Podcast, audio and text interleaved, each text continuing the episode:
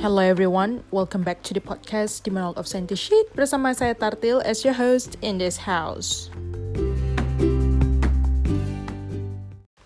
I'm so thankful because you guys still waiting for me and I come back again after satu purnama yang telah lalu di bulan Ramadan gitu ya. Terakhir kali gue ngepost tentang sexual harassment ya. And I found out that topic is so lead. I mean, like, I was surprised after open the apps and then saw the listeners. Oh my god, that topic is the most popular one. I mean, like, I gained a lot of diehard, a new, not new, yes, the new diehard listeners for that topic. That kind of lead, but that's not the reason why I hesitate to post an update for my podcast. Jadi, um, ada alasan kenapa gue nggak ngepost bukan karena ya gue nambah beberapa pendengar di topik tersebut gitu. Tapi kayak oh my god I'm so flattered. Thank you so much. By the way ya yeah, this really important. I wanna say Eid Mubarak for everyone who listen this podcast yang nggak sengaja atau sengaja mendengar podcast ini gue mau ngucapin selamat berlembaran mohon maaf lahir batin. I know it's far too late to say this kind of celebration words but you know it's still important and still bulan Syawal gitu ya. Jadi um, jangan lupa puasa Syawal gitu ya supaya kalian yang kebanyakan makan ketika balas dendam setelah uh, Ramadan gitu bisa menurunkan berat badan lagi gitu. I'm sorry. I'm saying it to myself dan uh, gue berharap juga semoga uh, kita semua bisa mendapatkan gimana ya momen Ramadan yang kita nanti nantikan gitu ya setelah uh, mungkin beberapa trial dan error uh, di bulan Ramadan sebelumnya. And I know I know I know very well because uh, I do think that this Ramadan this Ramadan in this year is probably suck. I mean like it's not the coolest Ramadan ever gitu ya. Karena sebelum-sebelumnya kita bisa ketemu sama teman-teman bercengkrama bukber dan lain sebagainya gitu. Bahkan mungkin uh, ada yang rame banget saat bangunin sahur gitu ya. Tapi tiba-tiba tahun ini kayak wah tiba-tiba everybody is locked up inside their house gitu. Jadi kayak oh my god it's kind of disaster gitu. Tapi ya gue berharap some of you guys ini mungkin termasuk gue kali ya mungkin Ramadan tahun ini adalah the most intimate Ramadan that I've ever had gitu. Karena sebelum sebelumnya gue nggak gue nggak pernah merasakan Ramadan se-intimate ini. I don't know why and I don't know how to describe this feeling anyway. So I hope you guys uh, you know get the same vibe gitu ya. Dan uh, gue berharap mungkin ada kejutan di Ramadan tahun berikutnya insya Allah kalau misalnya kita uh, sampai gitu ya di Ramadan berikutnya. Nah uh, karena mungkin lama nggak ngepost nih ya, mungkin kalian bertanya-tanya kenapa sih gue lama gitu ngepostnya. Sebenarnya gue tuh bingung mau ngomong apa gitu. Gue mau ngomong topik apa ya, walaupun sebenarnya udah gue list nih, ada beberapa list topik yang ingin gue omongin di podcast ini gitu, but I still confused how to how to deliver it gitu loh. Jadi kayak bahkan gue punya beberapa istilahnya potential uh, speaker untuk uh, ngomong di podcast ini but I'm still figuring out um, you know how to how to call them gitu loh via via podcast. So supaya suaranya nggak nggak nggak apa namanya nggak banyak uh, noise gitu supaya kalian nyaman mendengarkan dan lain-lain sebagainya. Tapi all of sudden gitu ya di tengah-tengah kebingungan itu sampai sebenarnya kemarin sih.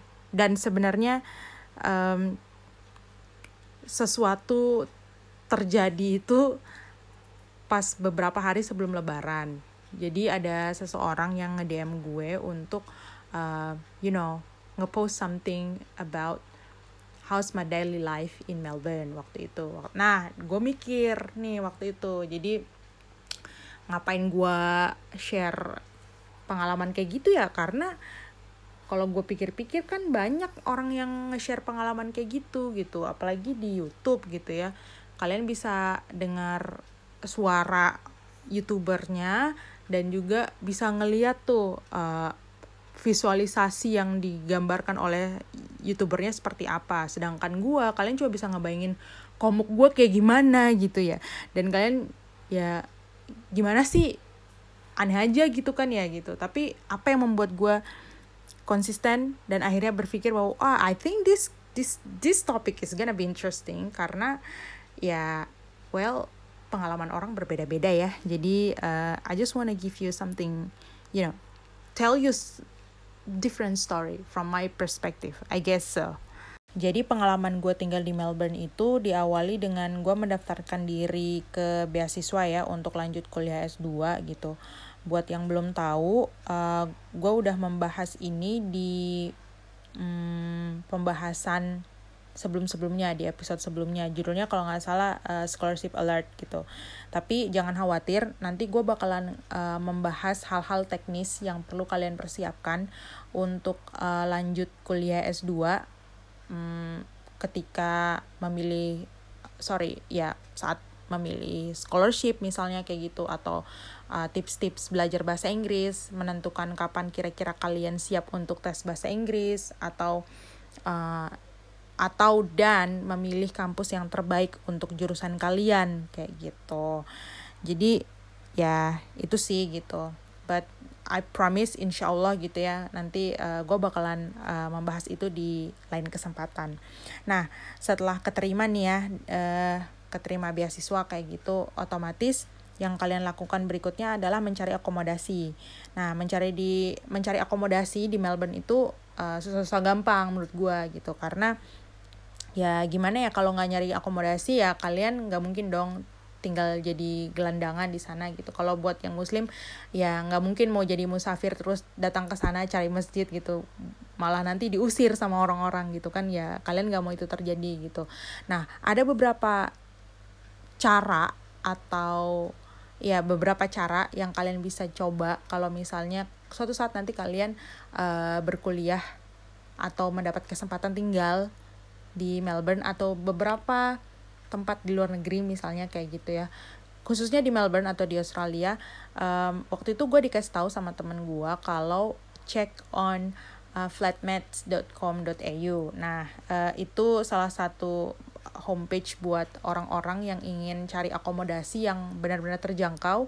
Dan kalau kalian mau kayak istilahnya uh, exchange culture dengan orang-orang yang tidak pernah kalian temui istilahnya unexpected person kayak gitu ya kalian bisa coba ini kayak gitu. Waktu itu uh, sebenarnya gue coba dan uh, fiturnya lengkap banget di situ. Kalian bisa memilih uh, kira-kira tempat yang ingin kalian tempat itu seperti apa ciri-cirinya? Atau uh, kalian mau housemate kalian atau flatmate kalian seperti apa orangnya? Apakah dia uh, ya terserah lah dia orang mana aja atau apakah dia harus gender ataukah uh, mix ataukah dia harus muslim or non ataukah bawa pets ataukah smoking dan lain sebagainya.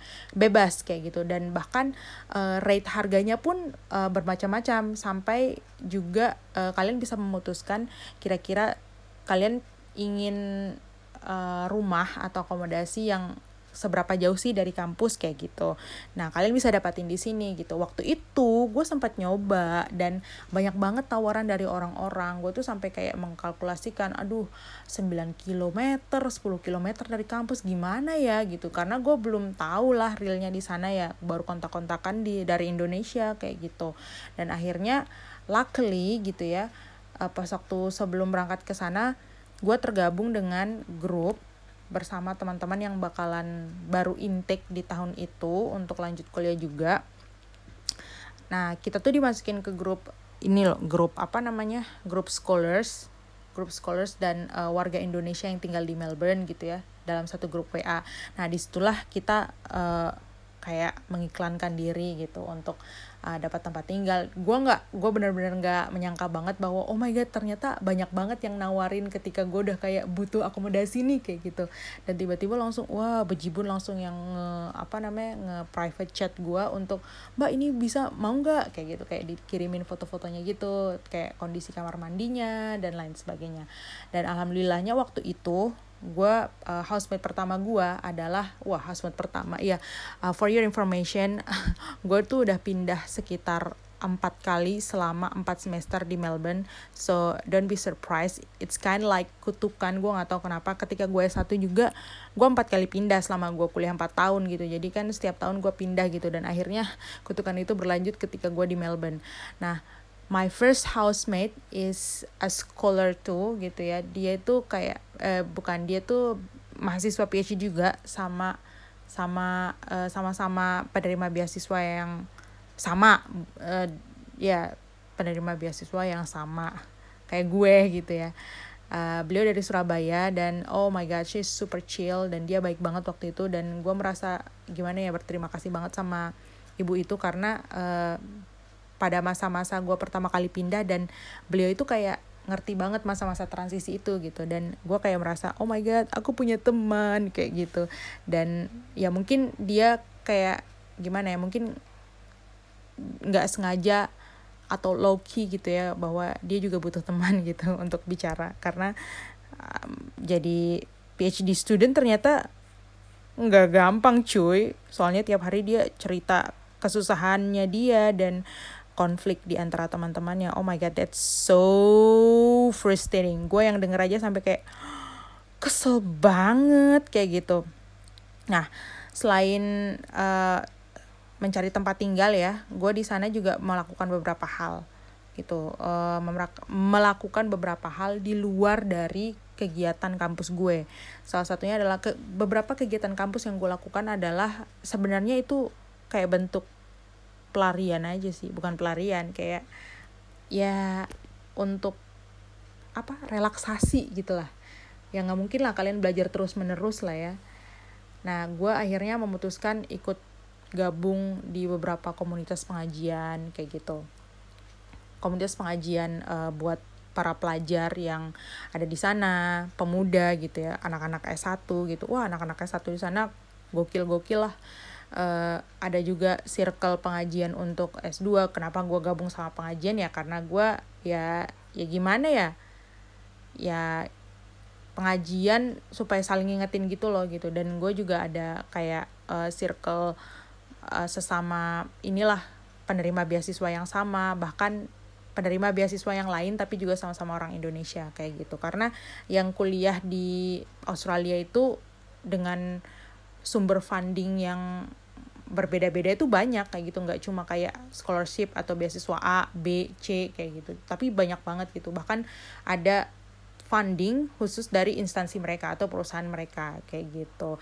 Nah beberapa kegiatan yang gue ikutin itu ya kegiatan voluntary lah seperti itu. Bahkan gue jadi pendamping buat uh, anak-anak Indonesia yang lahir besar di sana untuk mereka tuh belajar ngaji. Don't be surprised gue nggak kayak ngajar ngaji yang advance gitu karena mereka benar-benar kayak yang beginner gitu loh gitu. Jadi everyone everyone can teach them gitu. But uh, maybe waktu itu I'm the one yang waktu itu daftar doang sendiri dan akhirnya oke okay, you can do it kayak gitu. Karena ya student gue cuma tiga empat orang kayak gitu. Dan pertemuan kita kayak weekly meeting gitu. That's kind of nice moment gitu ya. Nice meeting. It was nice memory. Anyway.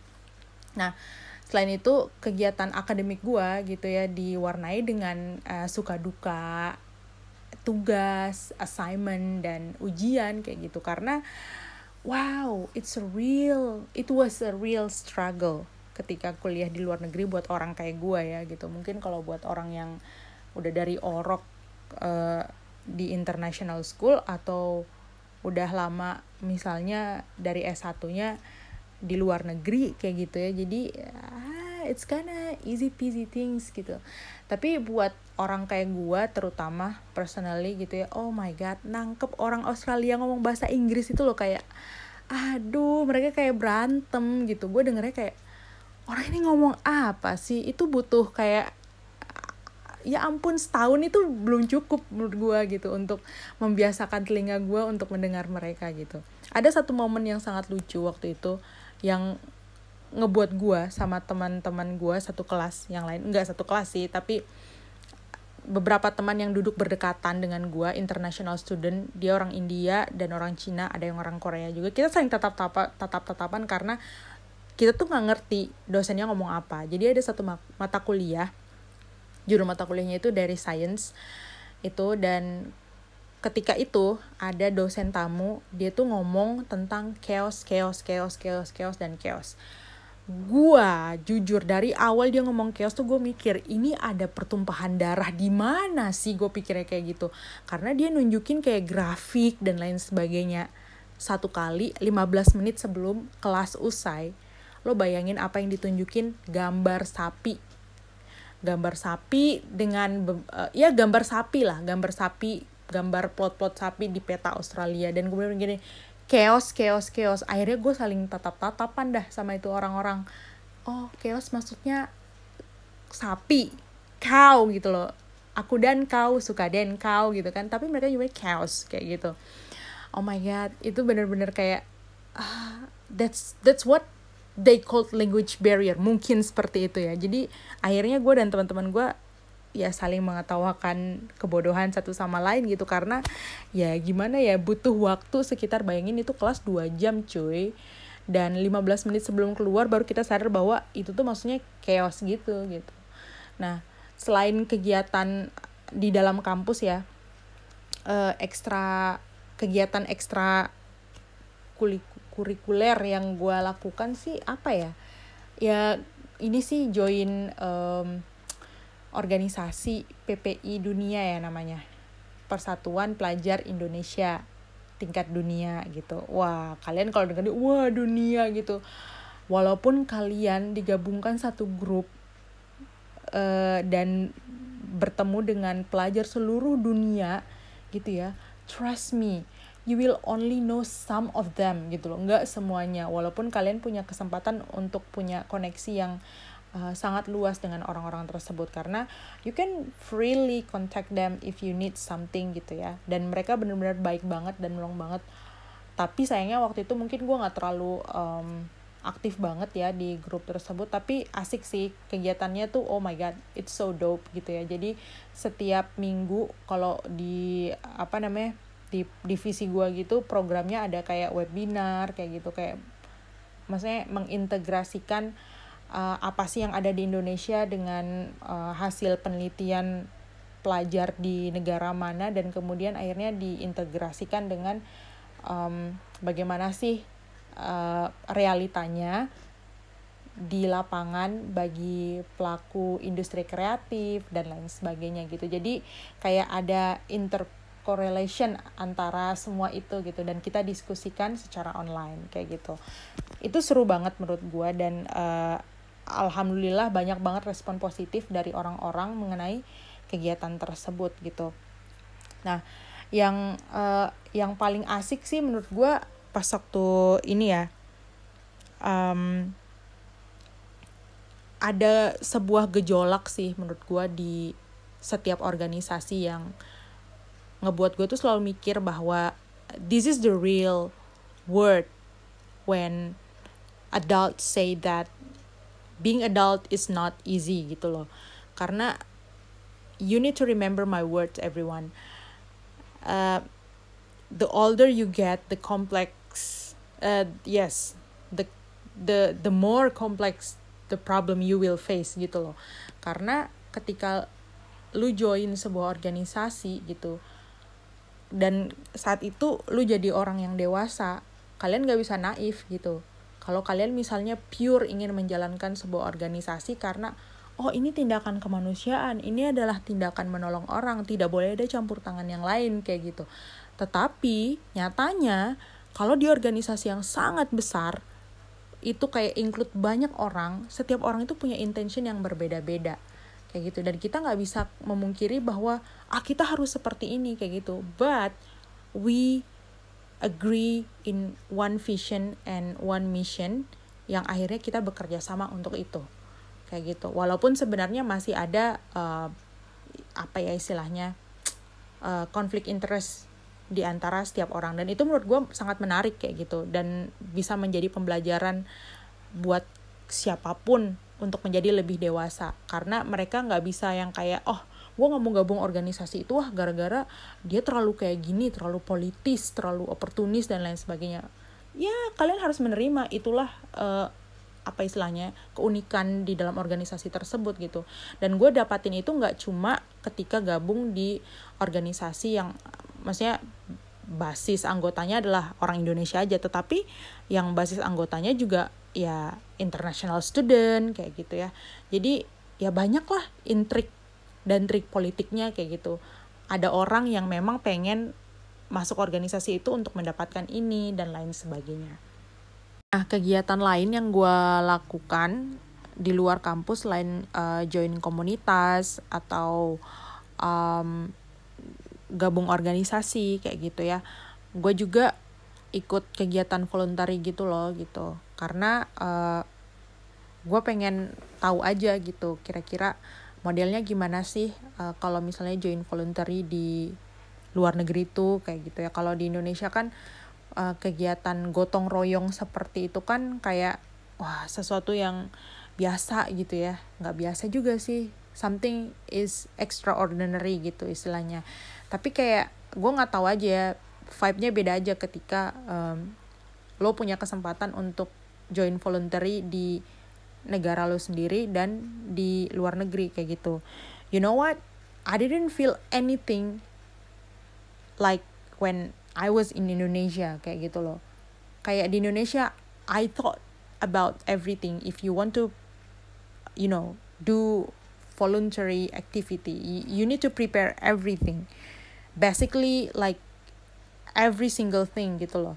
Dan ketika um, gue join di kegiatan voluntary kayak contohnya feeding homeless gitu ya gue sering ikut uh, kegiatan feeding homeless itu itu kayak gue nggak ngapa-ngapain gitu loh gue cek kayak gue cuma kayak uh, Hi sister, you wanna join this? Alright, oke, okay, register nama, tiba-tiba datang ke tempatnya dan akhirnya gue kayak gue bantu apa? Oh, it's it's already set up sister kayak gitu kan. Jadi akhirnya oh oke okay, akhirnya gue kayak cuma bagi-bagiin makanan doang. Asli kayak literally bagi-bagiin makanan. Dan gue kayak cuma ikut orang dia yang driving terus uh, apa namanya kayak meja-meja untuk nyiapin makanan gitu mereka udah siapin gitu loh. Dan di depan stasiun kita udah kayak tinggal berdiri manis kayak ha posang muka terus ngasih kayak oh, here you are here you are here you are kayak gitu sampai habis kayak gitu. Dan itu biasanya dilakukan setiap bulan. Setiap bulan itu ada dan bahkan kalau misalnya gue kalau lagi ngapa-ngapain gue iseng aja roasting atau gantiin jadwalnya orang yang misalnya bulan ini dia harusnya ngis uh, ikut nih tapi dia nggak bisa kayak gitu. Terus diposting gitu karena gue pernah ikutan sekali dan ini gue selalu dapat kayak uh, regular regular SMS gitu ya untuk ini nih kosong gitu loh hari ini gitu. Ada yang mau nggak? Kayak gitu. Akhirnya ya udah gue daftarin diri gitu. Nah selain kegiatan voluntary mungkin itu asik ya berinteraksi dengan orang-orang lokal kayak gitu ya. Lu bakalan ketemu banyak wah banyak banget orang-orang yang nggak nggak terduga kayak gitu loh. Wah banyak banget. Ada yang wah macem-macem lah. Ada yang aduh gimana ya jelasinnya gue takut kayak nanti jadi stereotip gitu. Jadi nggak usah lah gue ya pokoknya macam-macam lah yang lu bisa bayangin apa kayak gitu ya. Terus uh, selain itu jalan-jalan. Wah jalan-jalan is kind of you know terdengar sangat prestigious gitu di telinga setiap orang. Tapi percayalah percayalah wahai para pendengar yang budiman. Kalau misalnya lu punya teman-teman yang kuliah di luar negeri dan ngeliat postingan mereka tuh bagus-bagus mereka tuh lagi stres they are dying inside Trust me. Mereka meraung-meraung. Mereka ingin segera escape dari kesusahan mereka, mengerjakan tugas, dan mengerjakan ujian yang tidak kunjung selesai.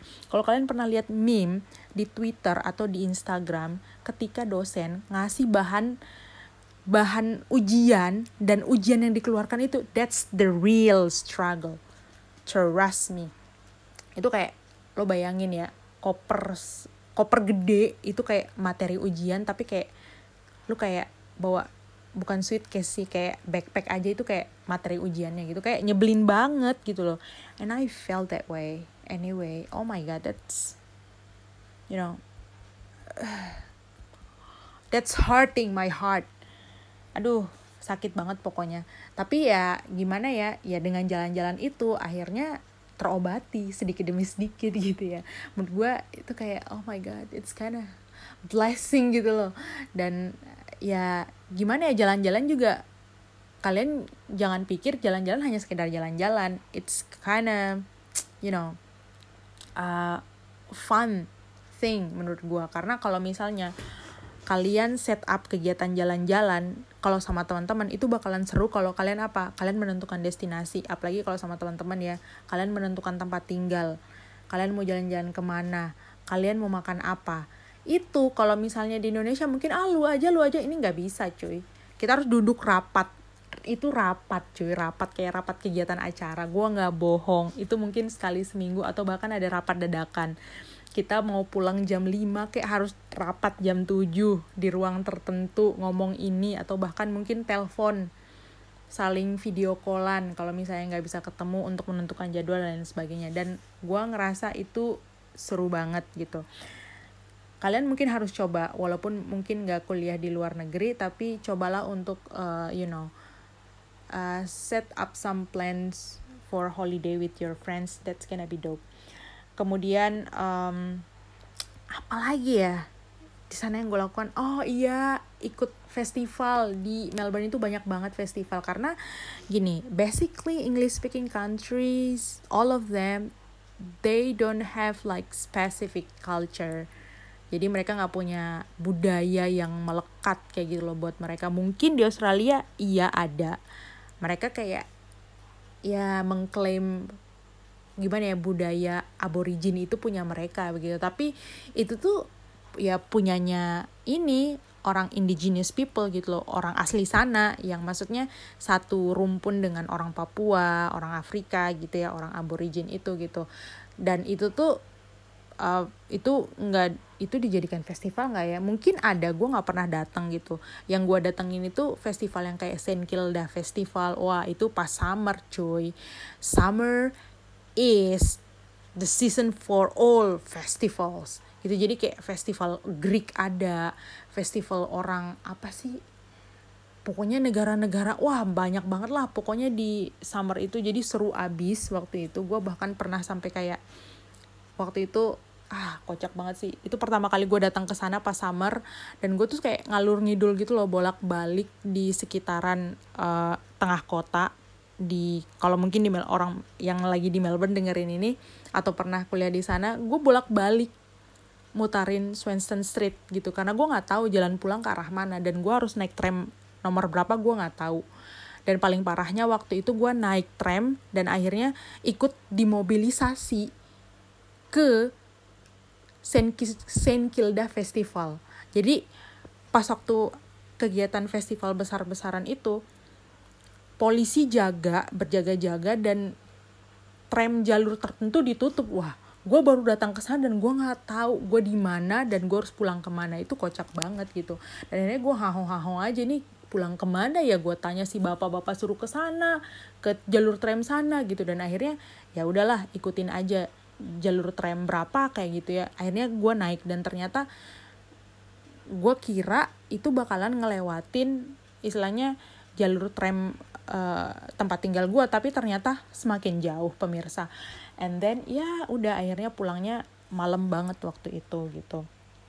Itu sih seingat gue kalau ikut festival terus festival Greek festival juga seru gitu ya karena di situ gue ngelihat kayak banyak tarian-tarian Itali eh, makanan-makanan Itali gitu seru-seru banget gitu dan ngelihat orang-orang mereka mereka berdomestikasi di area tertentu ternyata kalau di daerah Melbourne itu. Kayak misalnya orang Itali oh tinggalnya daerah sini. Dan oh ya kebetulan gue tinggal di daerah orang-orang yang itu tuh kebanyakan Middle Eastern. Jadi nyari makanan halal itu nggak susah gitu. Di sana kalau nggak salah ya gue pernah baca di handbook sebelum gue berangkat ke Australia gitu uh, umat Muslim di sana sebanyak 3, sekian persen dari seluruh jumlah uh, penduduk yang ada di benua Australia which is a lot. Banyak lumayan banyak daripada penganut uh, kepercayaan yang lainnya kayak gitu. Selain itu juga uh, yang paling seru sih untuk ini ya buat pelajar kayak gue gini ya untuk nambah-nambah wawasan gitu suka banyak suka ada banyak uh, seminar gitu seminar gratis. Bahkan diadakan sama kayak diadakan oleh asosiasi uh, PhD students Indonesian PhD students di kampus gua atau di kampus yang lain. Dan itu tuh kayak um, open registration gitu dan free gitu untuk membahas ya diskusi-diskusi terkini. Kayak kemarin contohnya uh, konflik di Papua gitu ya. Wah itu diskusi terbuka dan itu seru banget. Kalau misalnya di Indonesia gue gue yakin itu nggak bakalan bisa diadakan karena wah pembahasannya sensitif abis. Dan lu bayangin yang datang adalah orang-orang yang maksudnya mem, mem, orang-orang yang memperjuangkan kebebasan Papua waktu itu. Tapi mereka stay di Australia udah lama banget. Jadi keturunan mereka udah di sana dan oh my god anak-anak mereka uh chill abis gaul-gaul abis sumpah nggak bohong. Dan terakhir adalah uh, ini yang paling seru sih menurut gua. Gua nggak tahu buat yang lain yang udah pernah tinggal di sana. Menurut gua yang paling seru adalah um, uh, thrift shopnya mereka. Thrift shop itu kayak second hand shop mereka. Jadi kayak di sana itu this is really important thing that I want to tell you guys. Jadi kenapa Australia itu menjadi sangat terdepan dan dikatakan sebagai negara maju? Karena mereka concern dengan kondisi lingkungan. Makanya timbullah muncullah namanya thrift shop atau second hand shop itu gitu. Kalian coba pikir-pikir, kenapa sih mereka menyediakan thrift shop atau hand shops uh, so, sorry, second hand shop seperti itu gitu ya. Karena mereka berpikir kalau produksi tekstil yang terus-menerus itu bisa menghasilkan emisi karbon yang lebih banyak. Nah, emisi karbon itu kayak karbon yang dihasilkan dari pabrik pembuatan baju, terus sofa, kasur dan lain sebagainya. Instead instead of memproduksi lagi terus menerus gitu ya kenapa tidak mereka merecycle, membersihkan barang-barang tersebut yang habis dipakai oleh orang lain dan kemudian dijual kembali. Nah, uangnya itu ya mereka gunakan untuk uh, amal kayak gitu loh, untuk sumbangan amal dan lain sebagainya. Nah, poinnya adalah bukan di situ. Mungkin sebagian dari kita ngerasa bahwa ih kok ngapain sih pakai baju bekas orang lain gitu, but I think that's kind of personal uh, you know uh, preference gitu ya. Tapi menurut gue adalah buku-bukunya cuy. Hunting buku-buku. Kadang gue tuh bingung sama orang-orang di sana. Gue tuh kayak nyari buku-buku tertentu untuk dikoleksi gitu ya. Dan gue bawa ke Indonesia. Sampai orang tua gue tuh bingung lu ngapain kuliah jauh-jauh 2 tahun dan ngebawa? Gue serius satu box gede gue kirim lewat kargo. Itu isinya buku semua dan itu pas orang tua gue nanya ini totalnya berapa? Udah sampai rumah lama. Dan gue bilang satu setengah juta. Mereka kayak wah geram banget. Itu isinya novel semua novel yang nggak pernah gue bisa dapat dapatin di Indonesia. Dan kalau ada di Gramedia itu harganya sampai 500 ribu. Lillahi ta'ala gue nggak bohong. Dan gue di sana dapat berapa? Cuma 3 dolar cuy. Ada yang satu dolar. Gue sampai kayak oh my god this is heaven gue saat itu berpikir seperti itu dan akhirnya kalau misalnya gue ada day off gue langsung pergi ke sana dan borong. Gue dan akhirnya gue dan teman-teman yang lain kalau misalnya ya kita menyukai buku yang sama kita sering tanya tandingan lu udah dapat belum? Udah dapat belum? Kayak gitu. Jadi kayak seru aja gitu. So I think that's all my experience during staying um, in Melbourne for two years I hope you guys can enjoy it. If you have any questions, you just can, you know, DM me directly in my Twitter account or Instagram at Tartilbi.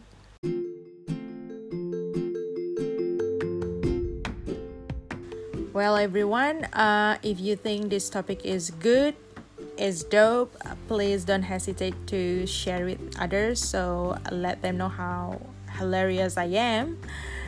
Anyway, um, gue baru-baru ini tertarik sama sebuah show uh, di Netflix. Uh, Kalau kalian tertarik aja, judulnya Remy R A M Y yang memproduseri juga namanya Remy Youssef gitu ya. Jadi ceritanya ini bagus banget, modelnya kayak para pencari Tuhan gitu. Uh, menurut gue sih para pencari Tuhan itu bagus banget. Bahkan seriesnya pas waktu bulan Ramadan waktu itu gue lupa gue umur berapa gue nonton sampai habis bayangin. Para pencari Tuhan karena gue tahu enggak karena gue nggak tahu sih waktu itu pas waktu endingnya tuh wah bener-bener dapet gitu loh makna dari um, apa namanya film itu gitu dari series tersebut. Komedinya dapet esensi nilai agamanya dapet kemanusiaan dapet semuanya everything is covered gitu loh. Dan uh, kalau cerita ini yang Remy ini it's dope. Dope. I mean like it's really cool gitu loh. Dan wah bener-bener profesional cara dia gimana ya membawakan cerita ini gitu. Jadi intinya um, ini cerita tentang seorang anak imigran muslim tapi dia lahir besar di Amerika Serikat tapi struggle-nya dia di United States seperti apa dari uh, konflik internal dan eksternal yang dia alami kayak gitu. Nah kalau kalian tertarik aja nih ya uh, let me know what do you think about this show gitu ya. So see you in the next episode. Bye bye